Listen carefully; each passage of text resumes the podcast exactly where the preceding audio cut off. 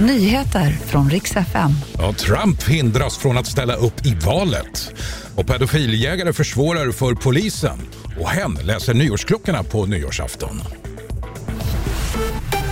Ja, god morgon. Donald Trump tillåts inte att ställa upp i primärvalet i Colorado inför nästa års presidentval.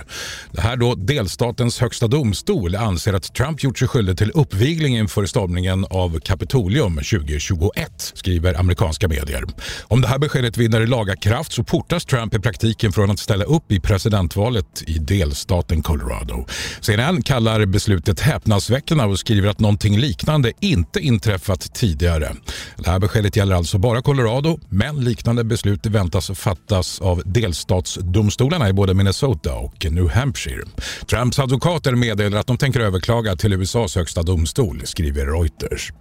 Den senaste tiden har flera fall uppmärksammats där män pekas ut som pedofiler av allmänheten. Så sent som i helgen larmades polisen om två fall i Stockholm där män misshandlats av så kallade pedofiljägare.